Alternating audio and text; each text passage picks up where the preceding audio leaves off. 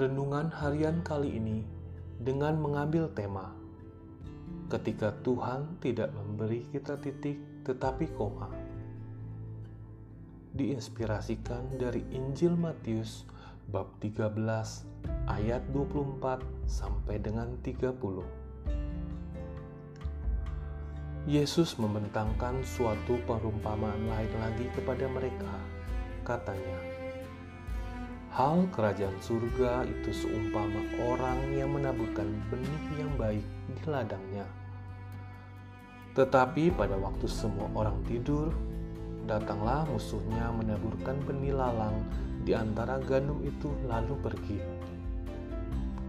Ketika gandum itu tumbuh dan mulai berbulir, nampak jugalah lalang itu maka datanglah hamba-hamba Tuhan ladang itu kepadanya dan berkata, Tuan, bukankah benih baik yang Tuhan taburkan di ladang Tuhan?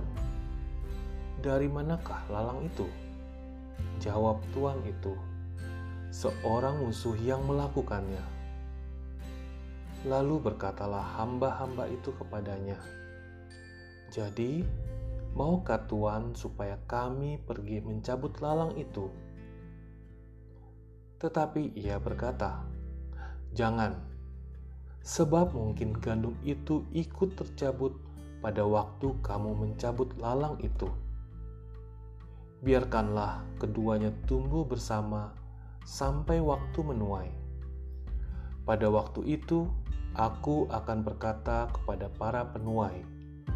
Kumpulkanlah dahulu lalang itu dan ikatlah berberkas-berkas untuk dibakar. Kemudian kumpulkanlah gandum itu ke dalam lumbungku. Demikianlah Injil Tuhan. Terpujilah Kristus. Terkadang orang mudah sekali menilai orang lain dari penampilannya, dari caranya berbicara, dari gayanya berjalan, dan juga dari latar belakang masa lalunya. Penilaian ini kerap kali bertahan lama dalam hati, pikiran, dan ingatan seseorang, sehingga pada akhirnya berkembang menjadi cap atau label pada orang lain. Cap membuat orang berhenti dan sulit untuk mengubah persepsi pada orang lain. Cap juga membuat orang sulit melihat perubahan dalam diri orang lain. Bagi orang yang diberi cap, ia akan menjadi rendah diri karena merasa selalu tidak dipercaya. Cap juga akan membuatnya mudah menyerah dan enggan untuk berubah. Penilaian cap atau pelabelan membuat titik pada seseorang bukan koma. Bacaan Injil hari ini mengisahkan seorang hamba yang meminta tuannya untuk segera memerintahkan agar lalang yang tumbuh di antara tanaman gandum segera dicabut. Namun sang tuan menolak hal itu dengan berkata, "Jangan, sebab mungkin gandum itu ikut tercabut pada waktu kamu mencabut lalang itu."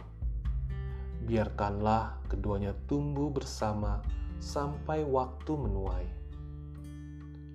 Tuhan memberi waktu dan kesempatan. Tuhan tidak tergesa-gesa untuk mencabut, sebab Ia memberi koma, bukan titik. Orang berdosa diberinya kesempatan untuk bertobat. Orang yang pemarah diberi waktu untuk berpasrah dan berserah. Orang yang membenci diberinya peluang untuk bisa mencintai. Saudara-saudari yang terkasih, Tuhan kita adalah Tuhan yang penuh kasih. Ia pengampun dan pemurah. Ia mendatangi mereka yang sakit yang memerlukan tabib. Ia menyapa dan mengunjungi mereka yang berdosa agar terbuka pada kasihnya. Ia memberi kita semua kesempatan. Karena itu, ada dua hal yang bisa kita renungkan. Pertama, marilah kita berusaha untuk tidak mudah menghakimi orang lain, apalagi berlagak menentukan takdir bagi hidupnya. Marilah kita belajar agar bisa mempunyai hati seperti hati Allah yang mudah untuk mengampuni dan terbuka pada proses perubahan menuju kebaikan. Yang kedua, semoga kita juga tidak mudah menyerah, membuat titik dalam hidup kita, padahal Tuhan masih memberikan kita koma atau kesempatan. Mari kita terus membangun pengharapan dalam setiap kesempatan yang diberikan Tuhan kepada kita ketika Tuhan tidak memberi kita titik tetapi koma. Semoga kita selalu mampu menggunakan dan mempertanggungjawabkan kesempatan yang diberikan olehnya itu. Amin.